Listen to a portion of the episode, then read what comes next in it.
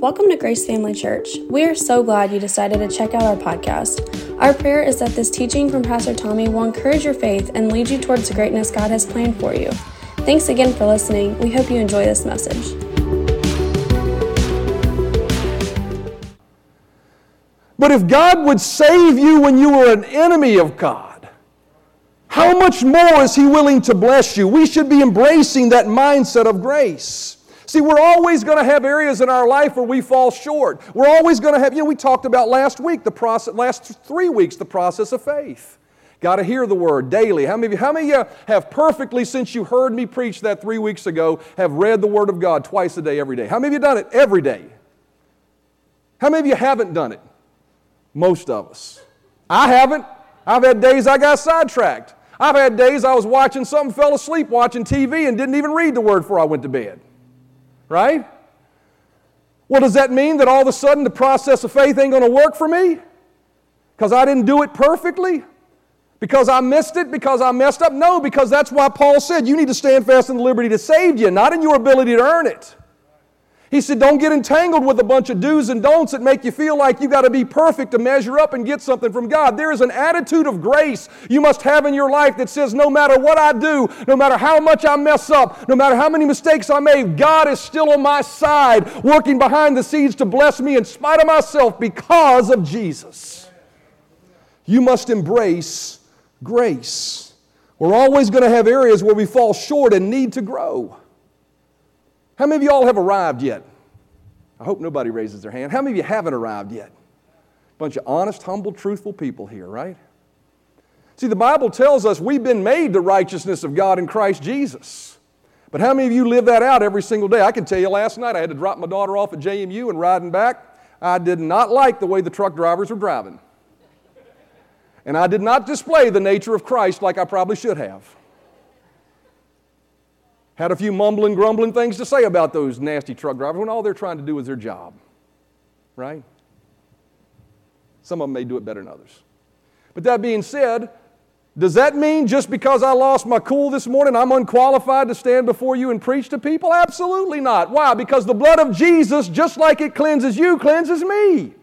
And we have to embrace the mindset. It's not an excuse to go live like the devil and make mistakes all the time. But thank God, God gave us a safety net for when we don't measure up, we can stand fast in the grace that saved us to tell us I'm still going to be blessed because that grace still sufficient for me. Amen? We see it in Ephesians 5. He, he's encouraging the Galatian church not to get wrapped up in this bunch of, of do's and don'ts. I got a boxes I got to check for me to get blessed. The reason I want to share this with you, uh, let me cut through the cloud of it for a moment. The reason I want to share this with you is this I think we're all alike. and if I struggle with this, then I got to believe you do too. I mean, I've been serving the Lord since I was 18 years old in ministry. I mean, sacrificing, laying down my life, giving up time for my family, setting aside time I could be doing something else, preparing message. I've been doing that my, since I was 18 years old, and I still struggle with the nagging thoughts sometimes that, hey, you didn't measure up here, you, you, you're falling short.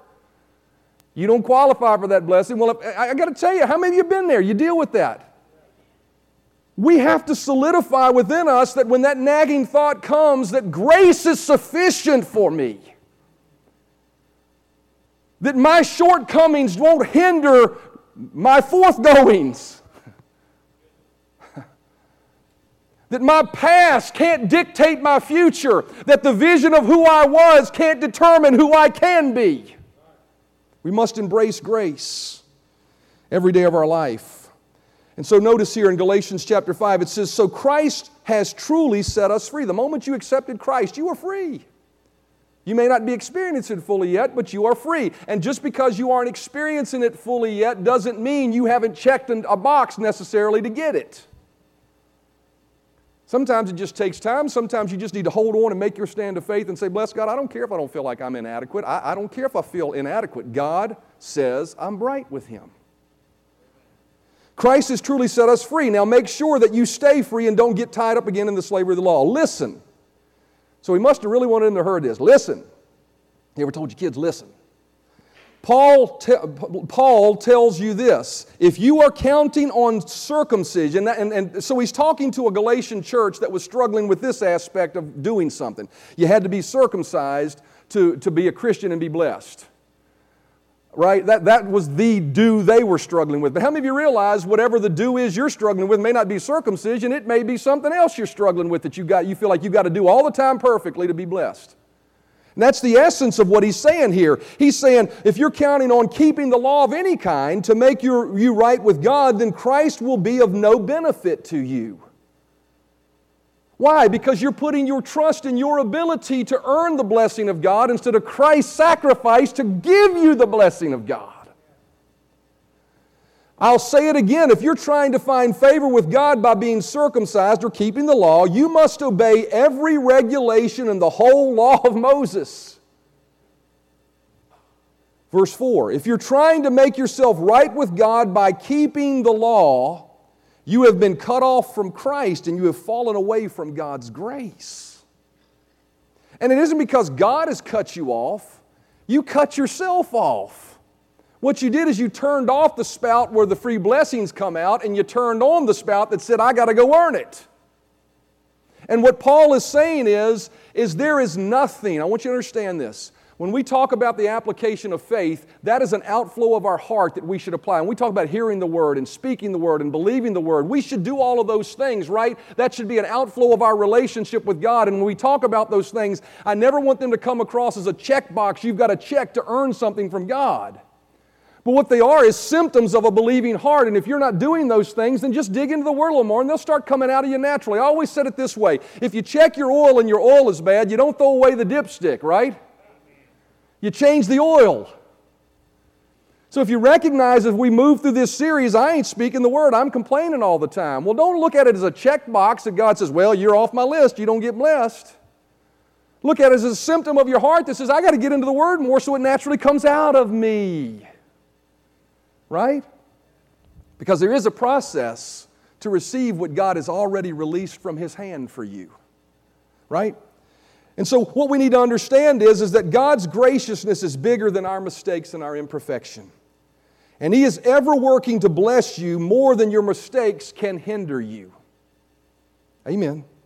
And so we must embrace grace every day of our lives. And as we close here in the next few minutes, I want to just talk to you about two aspects of embracing the grace of God. First of all, we must always embrace the truth that if we've accepted Christ, we are completely forgiven for our past, and God remembers that sin no more. You may see the mistakes of your past, but let me assure you of something according to Scripture, and I'm going to show you. You may see the sins of your past before you accepted Christ, but God does not. He has the amazing capacity to know everything but forget what needs to be forgotten. Hebrews chapter 8 and verse 12 says, For I will be merciful to their unrighteousness, and their sins and their lawless deeds I will remember no more. When you accepted Jesus as your Lord and Savior, I don't care what you did beforehand. I don't care if the law even holds you accountable for it, and that's rightfully so according to Scripture. But guess what? God no longer sees it. If you've accepted Christ, He's forgiven you of it. When you accept Christ's sacrifice, you become a brand new creation. 2 Corinthians chapter 5 and verse 17 and 21 says in verse 17, Therefore, if anyone is in Christ, he is a new creation. All things have passed away. Behold, all things have become new. The moment you say, Jesus, I want you once and for all to be my Lord and Savior, at that moment, the old you spiritually dies. Your hair color may not change, your body may not change, the scars you may have may not change, but on the inside of you, the real you that will live forever, that, that can dominate your body and control your mind, that real you becomes a new creation. Not only that, but for he has made Jesus to be sin for us that we might become the righteousness of God. When he makes you new, he doesn't make you just a new human being in your spirit, he makes you a child of God. And He makes you His very righteousness. This is almost mind boggling to think about it. But when God looks at you, in spite of your imperfection right now, as a Christian, He sees you as His righteousness. His righteousness. How often do we embrace the image of who He says we are instead of embracing the image of who we see ourselves to be? That's why the Bible says we should look into the perfect law of liberty and remember it instead of walking away like a man looking in a mirror and forgetting who he is. See, what winds up happening is we see ourselves and we allow ourselves to be the image of who we are instead of looking at what God says about us and says, that's what I'm going to allow to be the image of who I am. In spite of what I'm doing, I'm His righteousness. The Bible says when you awake to that righteousness, you won't sin. And so I choose to see myself. And so I would tell you this I wrote it down this way don't, let, don't ever let your BC days become the image of who you are doing during your AC days. Your BC, your before Christ days. Your AC, your after Christ days. Don't let the image of who you were before Christ be the image of who you are after Christ, because after Christ, you're a brand new creation. Well, then the next application of grace is this What if I've sinned after I've been born again? Am I just a tainted Christian? Am I just a tire that's been patched up now that lumps along in life? I'm a Christian, I'm a new creation, but I still sin, so I'm just, you know, as, as, as religious people would say, I'm just a sinner saved by grace. You ain't a sinner saved by grace. You were a sinner that was saved by grace, but now you're a child of God and the righteousness of God. So quit calling yourself what God says you ain't. And that ain't good English, but I'm going to say ain't anyway, because I wanted to stress it. What if I've sinned after I've been born again? Am I just a tainted Christian? The answer to that is nope. His grace is still sufficient for you. It is what Paul was saying still stand in the liberty that saved you. Remind yourself that I'm still forgiven.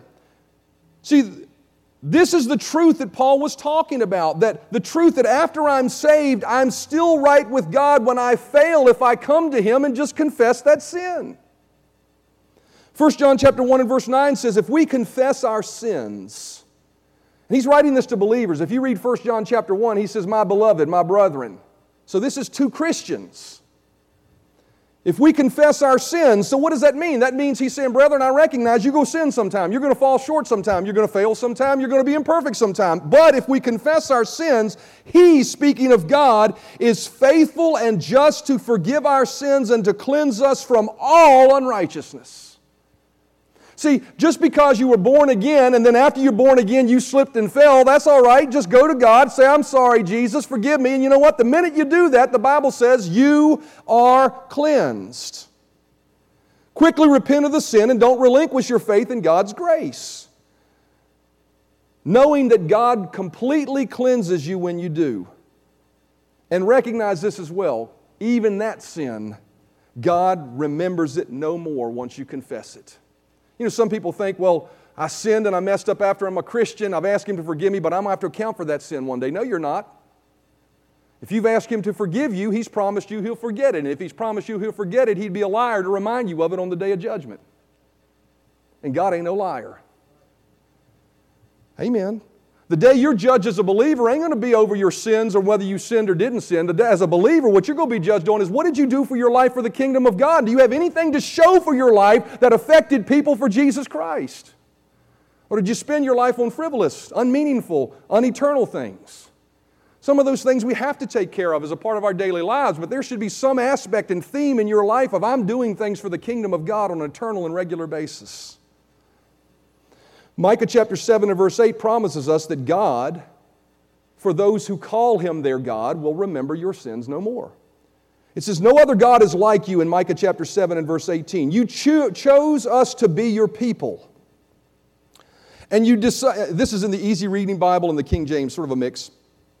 It says, that You decide not to remember what we have done wrong. You delight in showing mercy. You realize that when you come to God and ask Him to forgive you, it's not like, oh, here they come again. Do you realize that? Because I'll tell you something, that's the attitude we come with. That's the attitude the devil tries to have us come with. Oh God, here I come again. That's not what it says. God says He delights in showing mercy. When He sees you coming, He's like, oh, great, I get to forgive them. I get to let them know they're forgiven. I get to pick them up and help them. He says, You delight in showing mercy. You chose to forget the bad things. You will not retain your anger because you want very much to be kind. You like to be kind because you love us. So again, you will remove everything that we have done wrong. You will crush those bad things. You will throw all of them into the depths of the sea. Notice the phrase depths of the sea. I want you to close your eyes and imagine something for a moment. Want you to imagine you standing on the side of a cruise liner. You're sta- you've got a balcony suite, and you're standing there on that balcony suite. How many of you like to be there? Hey, that'd be great, way. Just close your eyes, picture it. Picture the, the ocean moving. You're at the depths of this, you're out there in the deep part of the sea. You're holding your cell phone, you're scrolling along, you're getting ready to text your family and tell them what a great time you're having, and all of a sudden the cell phone slips out of your hand and falls into the sea. Imagine the picture of it slipping away to the bottom of the ocean. Imagine the finality you have that my cell phone is gone. Imagine the moment you'd have of figuring out what do I got to do to move forward now. Now imagine that being your sin. When God forgives you, He throws it into the depths, you can open your eyes, of the sea. He throws it away so that you don't remember it anymore, and He doesn't remember it anymore. And that needs to be our mindset when we come to God and say, Jesus, I thank you that you have shed your blood for me. I ask you to forgive me for my mistake. We need to understand when He says forgiven, He means it. See, we think there's some nobility sometimes in holding on to it and feeling bad for it. Well, I, you know, it's such a cop out for me to not feel bad about it. I need to hang on to it, right? Well, if God won't hold on to it, then you don't need to hold on to it. And you're buying a lie from a devil that hates you and wants to hold you down and hold you back from the blessings of God to hold on to that sin and continue to feel guilty about it for at least a period of time because that's a noble thing to do. The Bible says that godly sorrow works repentance. When you're sorrowful before you sin, that's a great thing. Run to God and repent. But the moment you repent, lay that bag of trash down and move forward because He put it in the sea and He does not remember it. And if He won't remember it, then I choose not to either. See, remember that if you're forgiven, you're not to live your life with a sense of condemnation and guilt. Romans chapter 8 and verse 1 says, Therefore, there is now no condemnation for those who are in Christ Jesus. It says there's no condemnation. See, sometimes I think we carry around, as I said, this nagging thought that I just can't measure up. I'm just not enough. Maybe I'm just not as good. Maybe I'm just missing something that somebody else has figured out. We live with that condemnation of the fact that maybe we haven't met the mark to receive the full blessing of God. That's condemnation. Even in that regard. And the Bible says there is no condemnation. That word no is, I decided to look up, it's a simple little word, two letters, no. In the Greek or Aramaic, it's a, it's a, five, it's a five letter word. It's the word Ouden, O U D E N. Ever say Ouden? What that means, I'm just going to read to you exactly what it reads in the, um, uh, in the interlinear Bible, the definition of that. No, the word no means this none, nothing, not one. Ouden is a powerful negative conjunc- conjunction. It rules out by definition. It shuts the door objectively and leaves no exceptions. It is, a deduct, it is deductive in force, so it excludes every and any example that is included within the premises. It categorically excludes declaring as a fact that no valid example exists. So, what that word means is, is there is no valid example in your life if you're in Christ Jesus that should condemn you. Why? Because there isn't one, it doesn't exist. You've been forgiven, you are right with God. And so, what that tells me is we should not even embrace a little bit of condemnation. You know, condemnation can come in the form over a specific sin, but sometimes condemnation can be an overall view of the way we see ourselves. It can be a bag of guilt. It can be a bag of insufficiency that we lug around as a heavy burden, feeling like I could never measure up. I could never get free. I could never be everything that Jesus says I can be because I'm me. But if you're in Christ, you're not just you. You are in Christ Jesus. You are forgiven. We see this with Jesus that he never wants us to carry around guilt for our sin in the way he dealt with the woman caught in adultery in John chapter 8. John chapter 8 and verse 10 says, When Jesus had raised himself up, uh, you know, if you don't know the story, there's a lady who got caught in adultery. They brought him before Jesus. They wanted to stone him. Jesus said, If anybody hadn't sinned, cast the first stone, and everybody left. And the only perfect one, Jesus, the Lamb of God, stood before her. And it says, When Jesus had raised himself up and saw no one but the woman, he said to her, Woman, where are, are those accusers of yours? Has no one condemned you? And she said, No, no one, Lord. And Jesus said to her, Neither do I condemn you. Go and sin no more. Then Jesus spoke to them again, saying, I am the light of the world. He who follows me shall not walk in darkness, but have the light of life. Jesus did not condemn this woman. He said, Get up from your condemnation and move forward and live your life. Move forward and live your life knowing this that I have called you not to walk under the darkness of your guilt. He says, don't, You're not called to walk in darkness, you're called to walk in the light. I've called you not to live your life constantly making amends and feeling guilty for the sins of your past. I've called you to look forward and recognize that you are a new creation and I have a bright future for you. This is why we don't come dragging a bag of guilt in when we come into the presence of God. This is why last week I said many times when we listen to praise and worship songs, all they are is a bunch of unbelief because all it talks about is how bad and worthless we were. Instead of talking about, Lord, I am so grateful because I am forgiven. I once was lost, but now I'm found. Right? At the cross where I first saw the light, now I'm free. And so we need to live free from the darkness that we're, uh, from the darkness of condemnation. Isaiah chapter 1 and verse 18 says, Come now, let us reason together, says the Lord, as the musicians come. Come now and let us reason together, says the Lord, though your sins are like scarlet they shall be white as snow. Though they are red like crimson, they shall be as wool. The Bible tells us that God is a God that forgives. And if we are going to walk in the freedom that He wants us to walk in, we must embrace the mindset that I am completely forgiven and I do qualify for the blessings of God. Not because I'm perfect, not because I earned it, but simply because Jesus died to give it to me, and God is just that good. God is just that good. Hebrews chapter 4, I'm getting ready to close, says this in verse 14. So then, we must cling in faith to all we know to be true, for we have a magnificent King priest, Jesus, the Son of God who rose into the heavenly realm for us and now sympathizes with us. He understands our humanity. For as a man, our magnificent king priest was tempted in every way just as we were and sinned not. So now we draw near freely and boldly to where grace is enthroned to receive mercy's kiss and discover the grace that help us in our time of need in spite of our sin.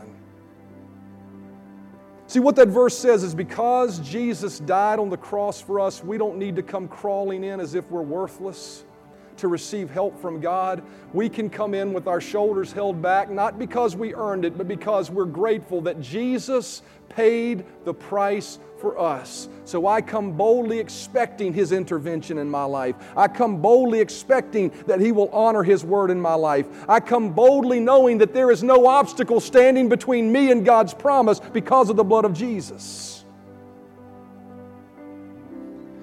John chapter 8 and verse 32 and 36 close with this verse.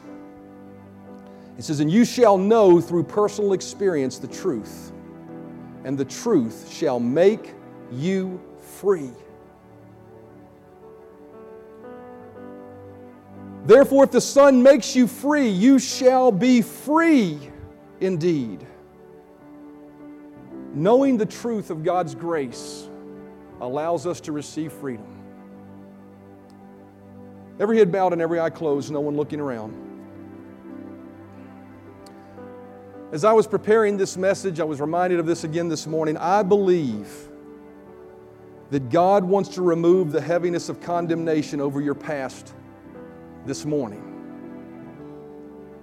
I believe there may be some here who have never accepted Jesus Christ formally as their Lord and Savior, and they want to do that for the first time. He wants to remove your past and make you a child of God. I believe there's an anointing here this morning based on the Word of God that we've preached to destroy the yoke of bondage, that bondage that condemnation can bring to cause you to think, I cannot get ahead. There's no way. I made too many mistakes. I also believe there's an anointing here for those that may have already, may be believers, but you carry around that nagging thought that you are not enough. That you're not enough. That the essence of who you are is not enough to rise to the levels of what God says you can have. Maybe somebody else can, but not me. That's condemnation, and I believe that the blood of Jesus and the power of His Word and the power of His name can destroy that yoke of bondage this morning, and you can walk out of here with a greater sense of freedom. With a sense of hope about your future, that my future is bright because my past does not dictate my future. So, with every head bowed and every eye closed and no one looking around, first of all, if you're here and you've never made Jesus Christ the Lord of your life and you desire to do that right now for the very first time, I don't want to single you out. I'm not going to point my finger at you, but I want you just quietly in your seat, right where you're at, to raise your hand and say, Yes, Pastor, I want to give my life to Jesus for the very first time. I see that hand. Thank you. Anyone else? Anyone else that would respond to that? God wants to set you free. Secondly, you're here, if you're here this morning and you need to make a decision to not just accept Christ for the first time, but you need to recommit your life to Him. You recognize I'm a, I'm a Christian, but I've sinned, I've made mistakes, and I need to come to Him and confess my sins so that I can be free from it. If that's you, would you raise your hand and say, Yes, that's me. I need to recommit my life to Christ. I'm going to wait just a moment. Anyone at all? Thank you. I see that hand. Thank you, Lord Jesus. Thank you so much, Father. Last of all, if you're here this morning and you're walking in a right place right now, but you have that nagging thought that it's not enough, you're falling short, you don't measure up. Part of that nagging thought is always going to be there because the Bible says the devil is the accuser of the brother and he's going to try to accuse you day and night, but you overcome him by the blood of the Lamb and the word of your testimony. But if it's an overarching belief, I believe that that can be a, a, a yoke of bondage God wants to destroy in your life. If you struggle with condemnation, not feeling like you're enough, not feeling like you could ever rise to the level that God has shown you because you're missing it somewhere, would you raise your hand and say, Yes, Pastor, that's me. I want to get free from that feeling. I don't want to carry that around like a bag of guilt. I see that hand. I see that hand. I see that hand. Thank you so much. Okay, so here's what I want to do. First of all, I want to pray a simple prayer. All of us pray this together for those first two calls. If you raised your hand for the very first time or you're recommitting your life to Christ, I want you to pray these words out loud with me, and I want everybody here to pray it with us to help those that raise their hand. I want you to say these words with me and mean it from a heart. What, I, what we're going to say is very simple. We're just going to ask God to forgive us and thank Him we're forgiven. But I want you to do it. The Bible says if you confess with your mouth, He'll forgive you. If you confess with your mouth, you'll be saved. So, everybody, repeat this after me. Say this when they say, Lord Jesus, I believe you died for my sin. I confess it, and I acknowledge you as my Lord and Savior. Thank you right now that that sin just fell into the depths of the sea you don't remember it. So every time it comes to my mind, I'm going to choose to forget it. Instead of feeling bad about it, I'm going to thank you that I'm forgiven for it. And I'm going to let the praise of your grace flow from my mouth from this day forward. In Jesus' name, amen and amen. Well, listen, if you raised your hand to that for the very first time or you're recommitting your life to Christ, please let me know about it after the service. I want to pray with you personally, but what I want to do right now is The Bible says in Revelation that the devil, he tries to stand before God day and night and accuse us of our sins, and he tries to do it in our ears. But the Bible says that they overcame him by the blood of the Lamb and the word of their testimony. The song that we're going to sing in just a moment is your testimony of your forgiveness. I want you to declare it to the devil. I want you to declare it to God. I wanted you to declare it over your life. And there is an anointing here this morning. I believe that if you need someone to pray with you, I can pray with you and we'll break the power of condemnation and guilt over your life. You can walk out of here free of that burden. Amen. So I want you to stand to your feet with me. Shannon, I want you to lead us in singing this song. And in just a moment, I'm going to make a call for anyone that feels like they need to come forward and need prayer. Thank you, Lord Jesus. Who could imagine? so great a mercy. What heart could fathom such boundless grace? The God of ages stepped down from glory to wear my sin and bear my shame. The cross has spoken, I am forgiven. The King of Kings calls me his own. Beautiful Savior, I'm yours forever. Jesus Christ my living hope. Yeah. Hallelujah. Praise the one who set me free. Hallelujah. Death has lost its grip on me. You have broken every chain. There's salvation in your name, Jesus Christ, my living hope. If you're here and you've responded in your heart to this call to live free from condemnation, we're going to sing that chorus through one more time. But if you feel a need to have someone pray with you, I believe there's an anointing here to just take you to another level in Jesus. I want to pray with you this morning. So I would encourage you to make your way to the front so that I can pray and release the anointing of God. Not that I have a corner on the market to it, but it's just available. And we can release it in the name of Jesus to set you free from guilt and condemnation. Shannon, let's worship one more time. And if you feel the need to come, go ahead and come. We never want to leave without giving an opportunity to pray for people. Hallelujah. Praise the one who set me free. Hallelujah.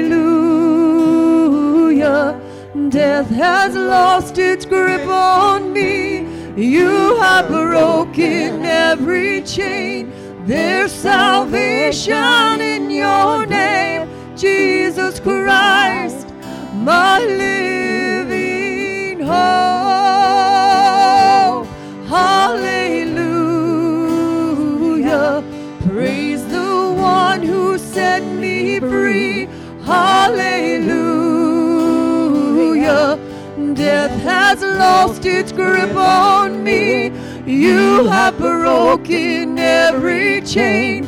There's salvation in your name, Jesus Christ, my living hope. Oh, hallelujah. Praise the one who set me free. Hallelujah.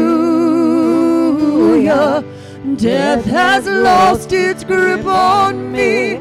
You have broken every chain. There's salvation in your name, Jesus Christ, my living hope. Hallelujah. Praise the one who set me free. Hallelujah.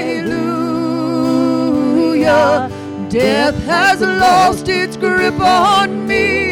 You have broken every chain.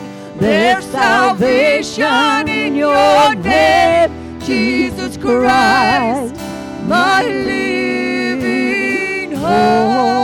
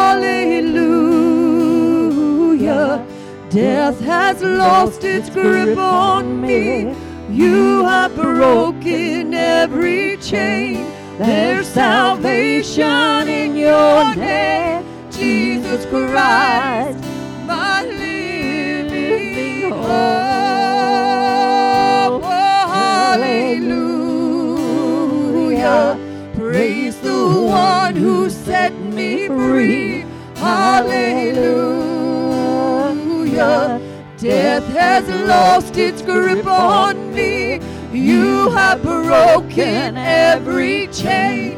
There's salvation in your name, Jesus Christ, my living hope.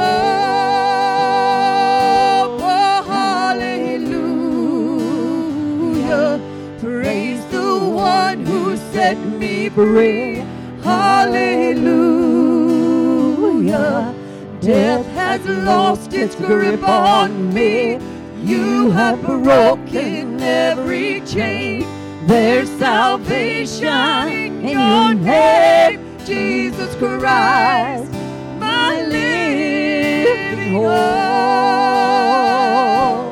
Jesus Christ, my living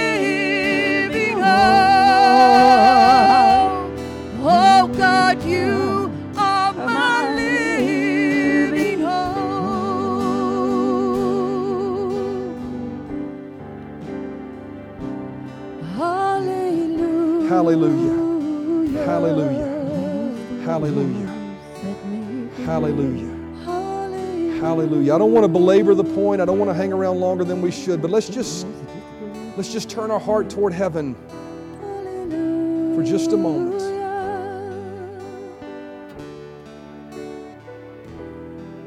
There is breakthrough this morning. There is breakthrough this morning. There is breakthrough this morning for you.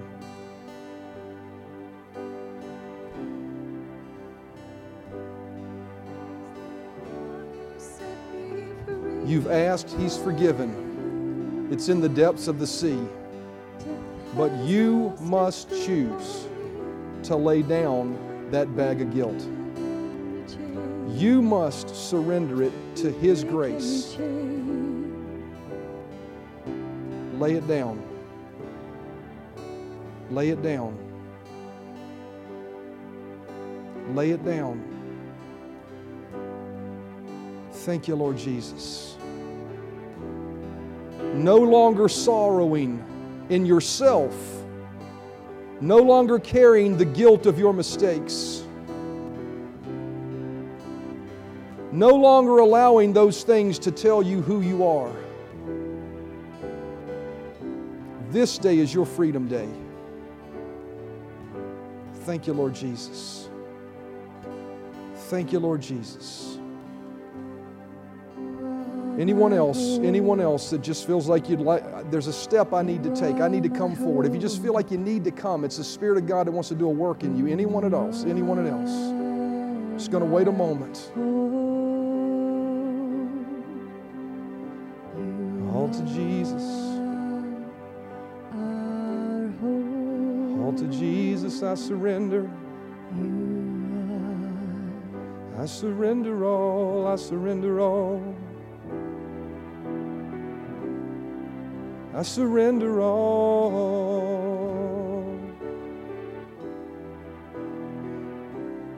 All to Jesus I surrender.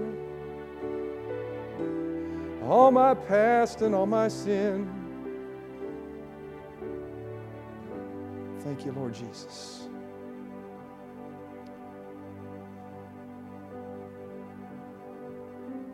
Come on.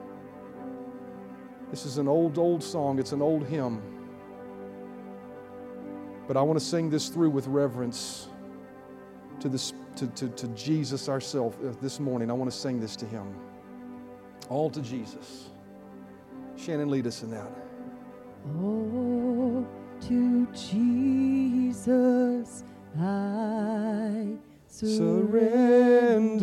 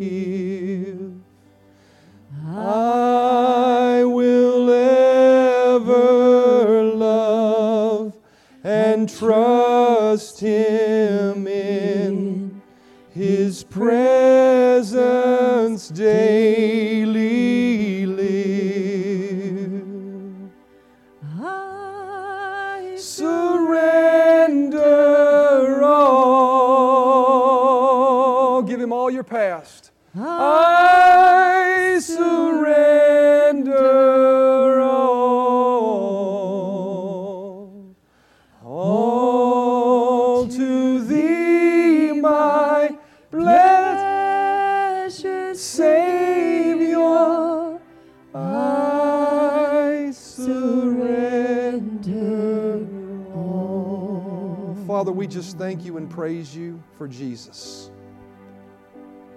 It is not by our own merit that we stand before you right. It is not by our own merit that your promises are ours of winning and overcoming. It is by the blood of Jesus, the precious Lamb of God that was slain before the foundations of the world, that we can stand. It is by Him that we can stand. And thank you that we are free. I give you praise and thanks for that, Father. In Jesus' name, amen and amen and amen. Amen. Always embrace grace. Everybody say, embrace grace. Embrace grace every day when guilt comes up, when the reminders come up. Just embrace grace. Say, nope, I'm forgiven. Every time the devil tries to remind you of your past, just remind him, no, I'm forgiven. I'm forgiven. Overcome him. Amen. And walk forward with confidence that every promise of God is yes and amen in Jesus. Amen. Thanks for listening to our Grace Family Church podcast. We really hope you enjoyed this message. If this ministry has blessed you in any way, we would love for you to get connected. Just go to gfcva.info to learn more about who we are, how to give to this ministry, or how you can get involved. Thanks again for listening, and we hope to see you soon.